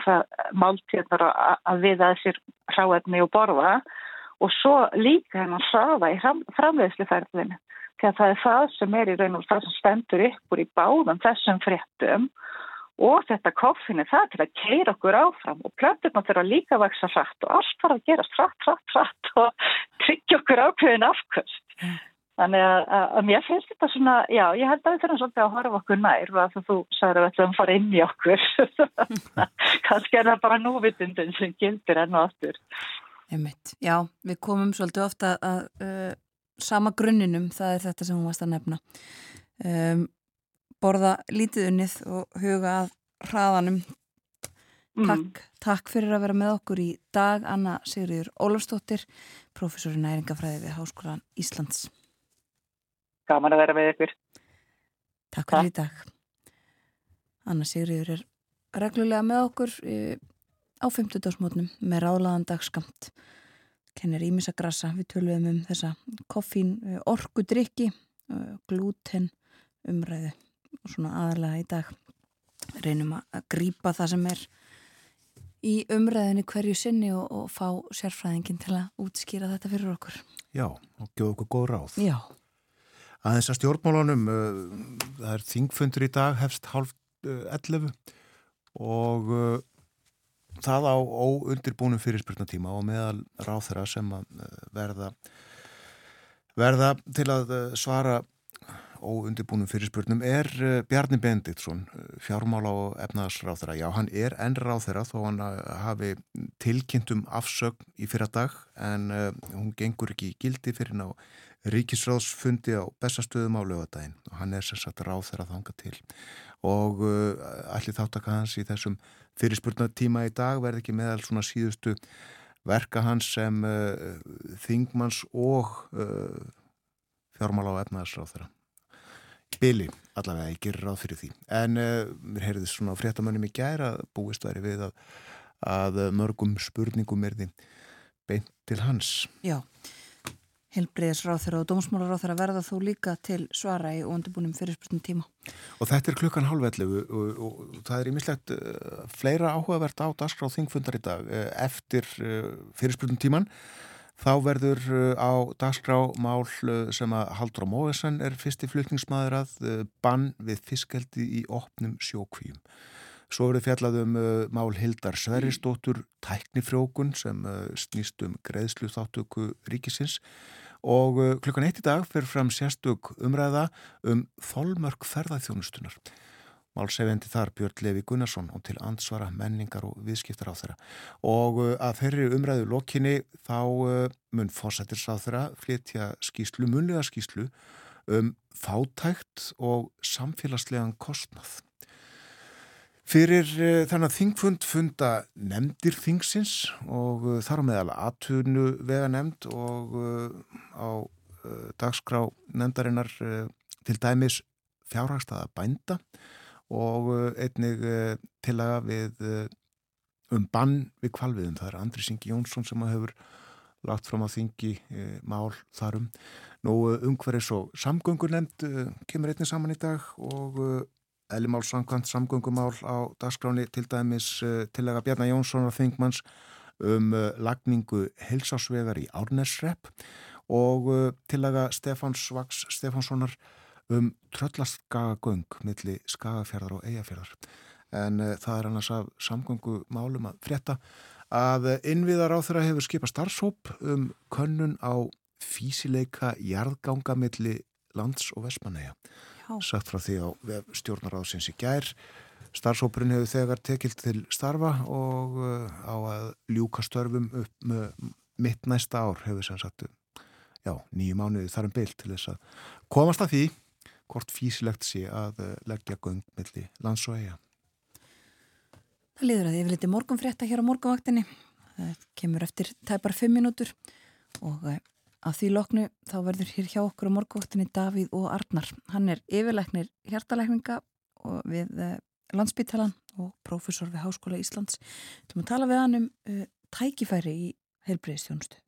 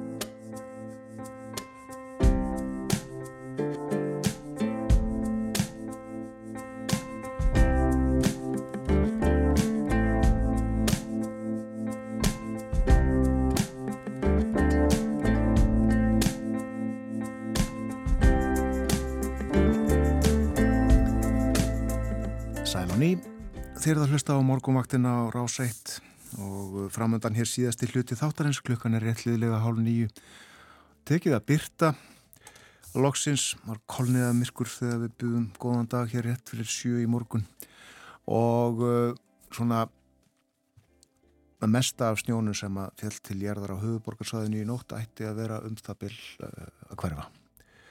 Trúum því allavega En uh, já, síðasti hluti þáttarins sér framöndan og nú ætlum við að fjalla um uh, heilsu og heilbriði. Já, höfum svo sem kannski við á þeim slóðum með önnusjöriði Ólafstóttur, professor í næringafræði sem er hjá okkur uh, reglulega á 50 dugum með ráðlaðan dagskamt og þetta tengist svo sem allt. Maturinn hefur áhrif á heilsu okkar, sannlega, en já, við ætlum næstu mínuturnar að tala um heilbriðismál, heilbriðis þjónustu Davíð og Arnar, yfirlæknir á hjartadild landsbítalans, hlaut nýlega framgangistarf prófessors við læknadild Háskóla Íslands. Starfar þar líka sem sagt og eh, af því tilöfni þá ætlar hann að halda prófessors fyrirlestur í dag í læknagarði klukkan þrjú. Yfirskriftin á fyrirlestrinum er áhugaverð tækifæri í þróun heilbriðistjónustu. Davíð er komin til okkar hingað á morgunvaktina. Velkomin. Já, takk fyrir það. Ég held að það sé oftar talað um vandamálinn í helbreyðskerfinu heldur en tækifærin, en, en þú sér tækifæri við það? Já, já, ég ger það og, og vissulega eru, er fullt af vandamálu þar en, en hérna við mögum ekki gleyma okkur í að leysa vandamál dagsins, við þurfum líka að horfa fram á veginn og ég ætla aðeins að gera það í þessum fyrirlesti og, og þessi tækifærið sem að þú nefndir eru allmörg en ég ætla að tala um fjögur þeirra, ég ætla að tala um hvernig við getum mögulega að fengi meira út og núverandi kerfi með betri skipulagning á því. Ég ætla að ræða um uh, vaksandi eða aukna nótkun erðaupplýsingat sem bæta heilbriði. Ég ætla að ræða um nýja tækni sem við getum notað að uh, fylgja sjúklingu betur eftir með fjárvöktun og síðast en alls ekki síst þá ætla ég að tala um heilsueflingu sem ég held að sé um, hlutu sem við höfum gefið allt og lítið um sem heilbriðstarfsmenn. Já. Ræðum þetta allt saman og byrjum með þetta á þessu sko, betra skipula í helbriðiskerfinu. Þetta uh, er nú svo litið rætt. Það er uh, bara erfitt fyrir fólk ofta að komast að í helbriðistjónustunni uh, á ólíkum stöðum. Hvernig er hægt að, að skipula ekki þetta betur? Tala kerfin eða svona minni kerfin innan stóra kerfi sem ekki nú vel saman eða hver eru? Já, ég held að það sé margt til í því og ég held að sko hinnar mismundi einingar helbíðskerfisins virka stundum ágætlega mm. og þær hafa þróast bara mörguleiti vel hver og einn fyrir sig en, en, en þær hafa þróast aldrei svona án samhengis og það mæti kannski segja að, að í þessu kerfi sem við búum við í, í svona tiltúlega litlu landi þá ætti að vera hægt að beita betri verkstjórn til þess að þessar einingar vinni betur saman og það þarf að vera skýrar verkaskipting hver á sinna hverju, það þarf að vera betri og auðveldar en samvinna og ég held að með þessum kannski tildulega einföldu þáttum þá mætti fá meira út úr kerfinu og fá einingarnars að tala betur saman með því markmiði að sjúklingunum fái kannski e, viðegandi þjónustu á akkurat réttum staði í kerfinu með að umfang vandans hverju sinni. Hmm. Það, er mitt, eins og sér þetta hljómið svo svona tiltúlega einfaldar uh, einfaldar lausnir eða breytingar en, en er ekkit verið að sinna þessu? Það hefur lítið verið gert og, og, og eins og ég nefndi að þá held ég að það þurfi kannski aðeins betri verkstjórn en spurningin er sko hver á að taka þetta verkefni að sér Já. og um, ég held að uh, vandina veit aldrei snúst um það, ég held að það sé óhjákvæmilegt að, að stjórnvöld svona sjáum að skipulegja þetta og kannski ráðandi heilbyrðismála en, en ég veit að það er kannski ákveðin tregða til þess hjá stjórnmálamannum til þess að vera að gera það en, en, en þeir hafa valdið en þekkingin er hjá heilbyrðistarfólki og kannski þarf þetta að vera reysastort samfunnverkefni til þess að hérna e, við getum rekið heilbyrðiskerfi sem sem að virkar mjög vel. Og ég held að sé alltaf fórsendu til þess vegna að hér er mikil þekking, hér er öflut starfsfólk hér eru öflugar einingar innan kervisins en, en verkstjórnin þurft að vera betri. Já. Það heyrastundum sögur af því að mitt í úr helbriðskerfunu að fólk furði sig á því að, að því, það upplifir kannski ekki að því sé fyllt eftir uh, innan þessara ólíku eininga að það sé ekki svona eitthvað samtali eða svona einhverju sem, a, sem að grýpa fólk svona heilt yfir. Jú, jú, akkurat, það, ég hef heyrt þessum leiðis og, og ég held að máli sig kannski að það þurfi að vera sko, að, að sjúklingunum þurfa að flæða betur milli eininga ymmit eftir því sko hvað vandamálið er og, og nú er samskipta tækni að batna og hérna hún er að batna í heilbyrgskerfunu líka þannig að við eigum að geta gert betur en ég held að forsendan sé að við séum búin að ákveða og kannski svona skýra hvaða vandamál er að vera á hverjum stað í kerfinu Já. vegna þess að eins og staðinir í dag að þá eh, er pínlindil óstjórn á því og margir til með sleita á bráðmáttökuna á landsbítalunum með oft minni áttar vandamál e, og, og það eigur álægi þar og, og, og, og það er kannski ekki endilega sko besta þjónusestíð fyrir einfaldari vandamál sem mætti leysa til dæmis á heilsugjastlu eða á, á stofum sjálfstæðstarfandi sérfræðinga. Já. Þannig að ég held að við getum náð meira út úr kerfinu með því að skipulegja betur án þess þó að gjör bildaði. Já, og svo er mitt að þú nefnir þetta ímislegt á bráðamáttökunni sem væri hægt að sinna á heilsugjastlunni líka tölur umræðum það að það sé bara oft margra, margra vekna byggð eftir tímum hjá, hjá heilsugjastlureknum. Já, já, ég kannski þekk ekki mjög vel til í heilsugjastluna því ég hef ekki unni mikið þar en, en ég hef með terta líka en í mínum huga þá gæti það verið bara einfalt skeipilansatrið og hérna uh, stundum er, er hægt að bóka alla tíma marga viku fram í tíman en svo er líka hægt að vera með verklag þar sem að þú bókar kannski 85% tímanum fram í tíman en, en ert með 1-2-3 lausa tíma á dag þangað til daginn áður sem dæmi.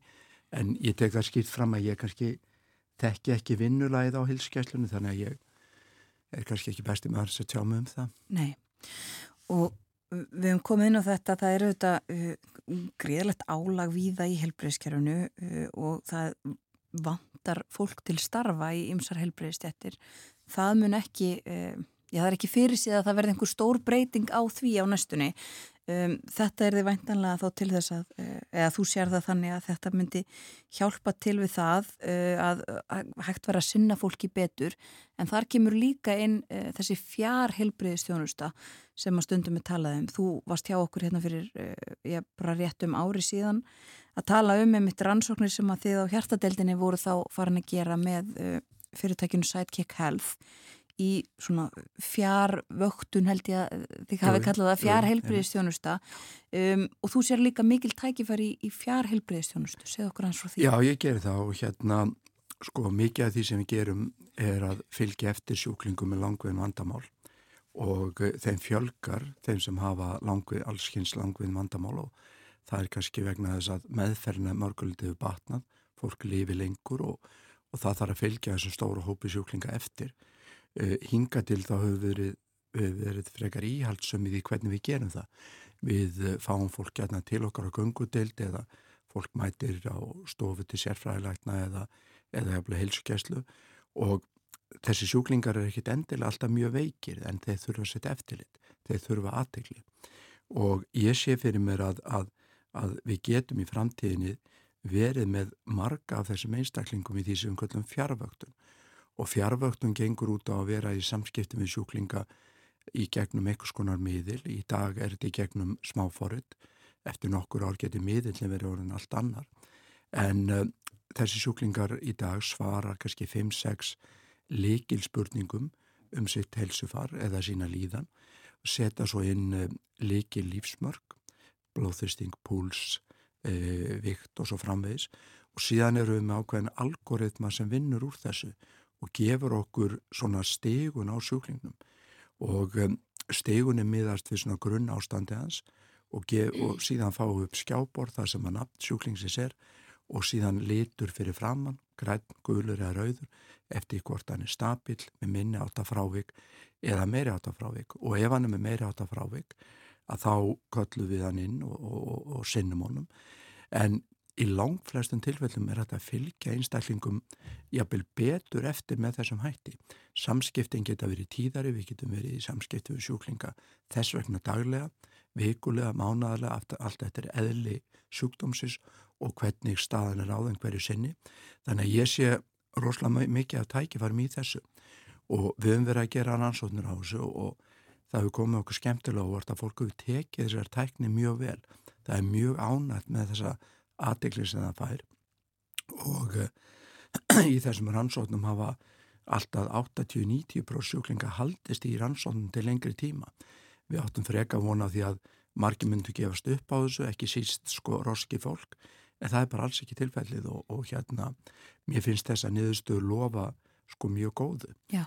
og það er kannski gaman líka að segja frá því að í rannsóknum okkar á hjartabilun sem að er lokið og við erum að vinna úr að þá kemur í ljós að, að sjúklingar sem eru með hjartabilun þeir koma, já, og er í fjárvöktum þeir koma þess oftar til okkar en og leggja mun skemur inni heldur náður þannig að það bendir til þess að við sem að finna vestnun á þeirra sjúkdómi fyrr, bregðast við og ná að hafa þá skemurinn á spítala sem auðvitað spara talsvaran pening hver legudag getur mjög dýr. Já, og væri hægt að gera þetta eh, víðar, með ekki bara hjartasjúkdóma? Já, já, algjörlega og, og það er þegar byrjað að, að prófa uh, þessan nálgundin með sjá krabbmennsjúklingum og fleirum og ég held að ja, það sé ekki spurningi minnum huga að, að svona eftirlit er framtíðin og við sjáum, við getum kannski sagt að þetta sé tarsett mikil breyting á því hvernig við veitum heilbyrjastjónustu en við sjáum mjög skýra hliðstæðu til með þessi í bankastarðsemi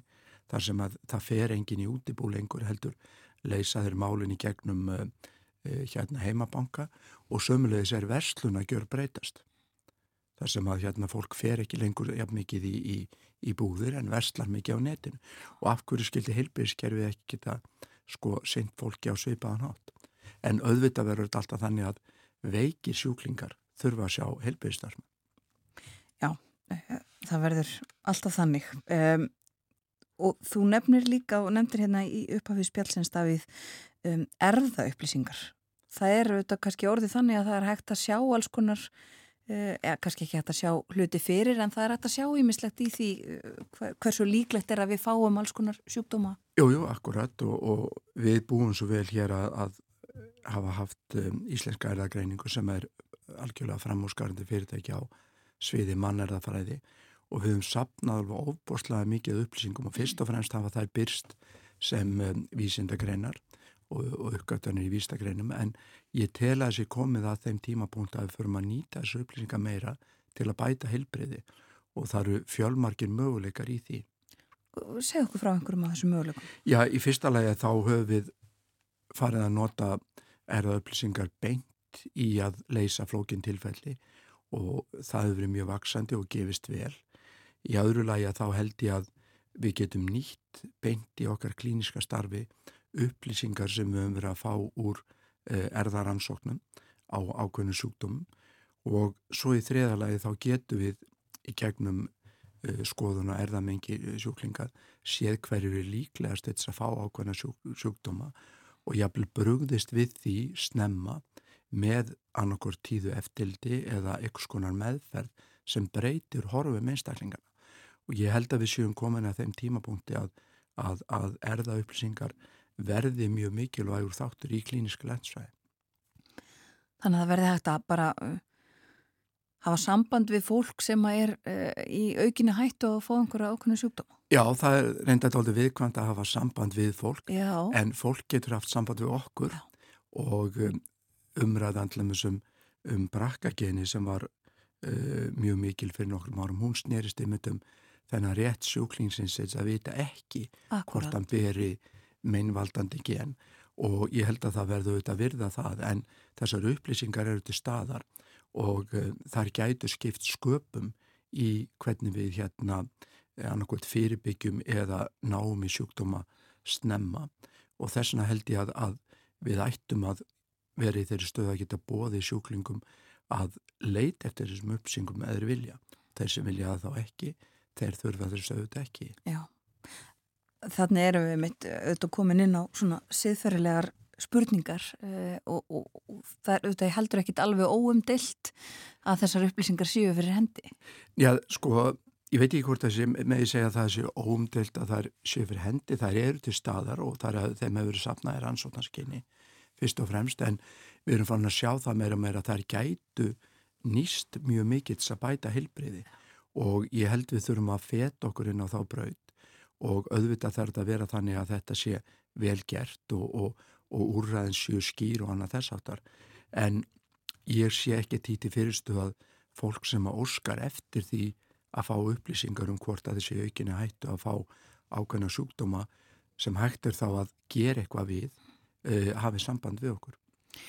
Um, bara rétt að vera með færum okkur í annað, sko, uh, ef að eh, einstaklingur myndi, já það, þetta er ekki hægt í dag, en, en eh, hvaða upplýsingar til dæmis, hvaða sjúkdóma, nefnum einhver dæmi um sjúkdóma sem að ég geti þá til dæmis fengi upplýsingar um að ég var í einhverju aukinu hættu að fá? Já, það er til dæmis sko, í mínum huga þá erum við fyrst og fremst að tala um sko upplýsingar um sjúkdóma sem að er hægt að bregðast við mm -hmm. og, og það er hérna kannski öllu erfiðar ef þú ert vilt fá upplýsingur um hvort þú sért arberi fyrir sjúkdóm sem að engin meðferði til við. Það, það hérna, það hefur oft sko mjög slæm áhrif að fólk að vita það þó að það getur gagna sömum. En við erum fyrst og fremst að tala um sjúkdóma sem að hægt er að bregðast við eða einhver meðferði til við og sko í þessum hóperlum mörg krabba minn Eh, það eru ymsi sjúkdóma sem valda skyndidöða, hjartasjúkdóma sem valda skyndidöða.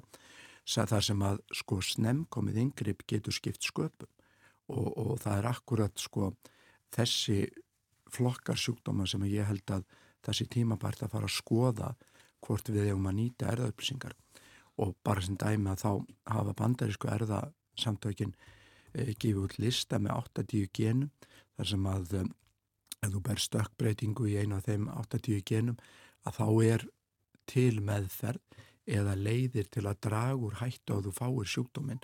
Og það mætti til og meins byrja á að skoða bara akkurat þessa sjúkdóma þar sem að við getum brugðist við á eitthvað nátt og síðan auðvitað þróast þetta áfram. Já. Og Eitt af því, eða það síðasta sem þú nefndir, Davíð, er eh, heilsueflandi lífstíl og þetta kannski tengistu þetta. Það er ímislegt sem við getum gert til þess að, eh, án þess að hafa erða upplýsingarnar, en til þess að, að minga líkutnar á því við fáum alls konar það sem að kallaði lífstíls sjúkdómar. Jújú, akkurat og ég held að við höfum vannmetið sko gildi heilsueflandi lífstíls allverulega og um, við höfum lengi vita það að það er gott að vera hraustur en, en við sem heilbreyðstarfsfólk við höfum alls ekki gert nóga því að sko að hampa þessu og, og hvetja fólk til heilsueflandi lífstíls og það hefur komið í ljósa þeir sem að ástunda heilsueflandi lífstíl af, af, af mikill alvöru að þeir eru, þeir líður betur, þeir lifa lengur og, og, og þeir lifa lengur án þess að fá uh, til dæmis fjóra flokka af langvinni hjartasjúkdóma, síkusíki elliklöp og krabbaminn og þetta er gríðalega áhugavert og þetta eru nýlæri rannsókn sem að byrtist fyrir þessu ári og, og undistreikar í mínum huga að við getum gert ofbóslega mikið sjálf. Og með hvað er heilsuðbændi lífstíl, það er fyrst og fremst reyfing en líka holdt mataræði. Að halda sinnar í kjörþyngd reykja ekki e, fara með áfengi í hófi og e, hérna e, láta fylgjast með hlutum eins og blóðsikri, blóðfittum, blóðþyrstingi og svo framvegis. Já, og þú segir að einmitt, þetta hafi verið vannmetið innan helbriðskerfisins eða meðal, meðal helbriðstarfsmanna. Það er nú eitthvað til núna undanförðum ára sem heita reyfi seðlar eða eitthvað svona þar sem að læknar beinlinni sá að geta ávísað uh, reyfingu. Jú, það hefur, það hefur eitthvað verið um það, ég veit ekki alveg hver staðina á því er núna en það sem ég á kannski við með því að segja við um kannski ekki staðu okkur nógu vel í þessu er að þegar heilbyrðistarsmaður hittir sjúklinga þá snúar samskiptin oft um eitthvað skonar engjeni, það er verið að skoða sjúklingin, það er verið að fara ræða rannsóknir eða rannsóknar niðurstöður endun í að lifa og svo framviðis og svo kannski fer síðasta setningin í samtalenu í það að spurja hvort einstaklingun sé að reyfa sig eða sko hvort hann sé hættur að reykja og svo framviðis mm.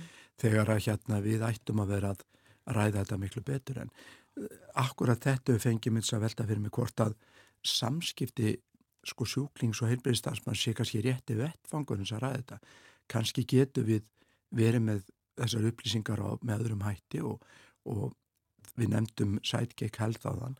Þeir eru með fjárvöktuna þátt í sínu smáfóruti en þeir eru líka með sko helsukvætjandi þátt þar sem að fólk er hvað til sko helsueflandi lífstíls með vönduðum myndböndum með um, kvartningarskilabóðum og það er uh, endurgjöf það er oft endurgjöf frá þjálfara eða helsu uh, heilbyrjastarfsmanni þannig að ég held að kannski eru aðrar aðferðir að nálganir í að hvetja til heilbreyða lífstíls betri heldur en þetta þessi takmarkaði tími sem að heilbreyði starfsmæður hefur með sjúklingi. En, en svo þurftum við að standa okkur miklu betur kannski bara með því að, að, að svona á, á líðhelsulevel með því að láta fólk vita af því hvað heilsueflinga er mikilvæg. Hún er ekki bara fyrir heilbreytt fólk heldur, líka fyrir fólk sem er með langveina sjúkdóma. Því líður mun betur ef það ástundar heilbreyðan lífstil. Já.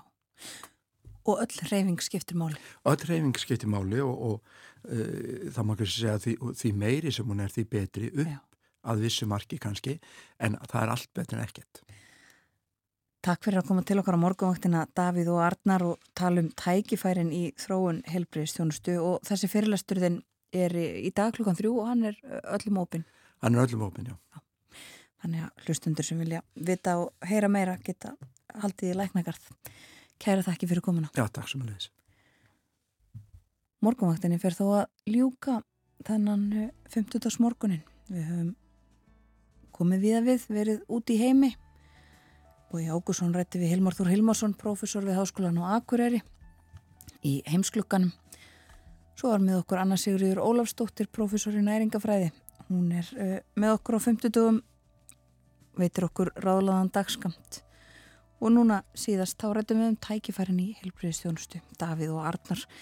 Yfirleiknir á hjartadelt uh, landsbyttalans og profesor uh, við Háskóla Íslands líka var gestur okkar. Snemma í morgun forvitniðust um Kládíu Góldin, hún er hagfræðingur og hlaut núna fyrir vikunni e, þar sem kallað eru Nobelsverlunin í hagfræði en e, eru í raun hagfræðiverlun Sælabankarsvíþjóðar og veit svona í tengslum við Nobelsverlunin. Já, Herdi Stengriðsdóttir, dósend í hagfræði við Viðskiptaháskólinni Kaupanahöfn, sagði okkur frá Kládíu og uh, rannsóknum hennar sem að engum hafa verið á uh, vinnumarkaði, hún hefur rannsakað konur á vinnumarkaði og ímisleg tengd mál uh, Klátja einungis þriðja konan sem hlýtur Nobelsverlun eða, eða þessi hagfræði verlun. Já. Svona var morgunvaktinn þannan 50. morgunin. Við þakkum fyrir samfélgina í dag. Verðum hér aftur í fyrramálið. Morgunvaktinn býður góðan dag þegar klukkuna vanda tíu myndir í sjö. Alla verka daga. Njótið dagsins og verið sæl.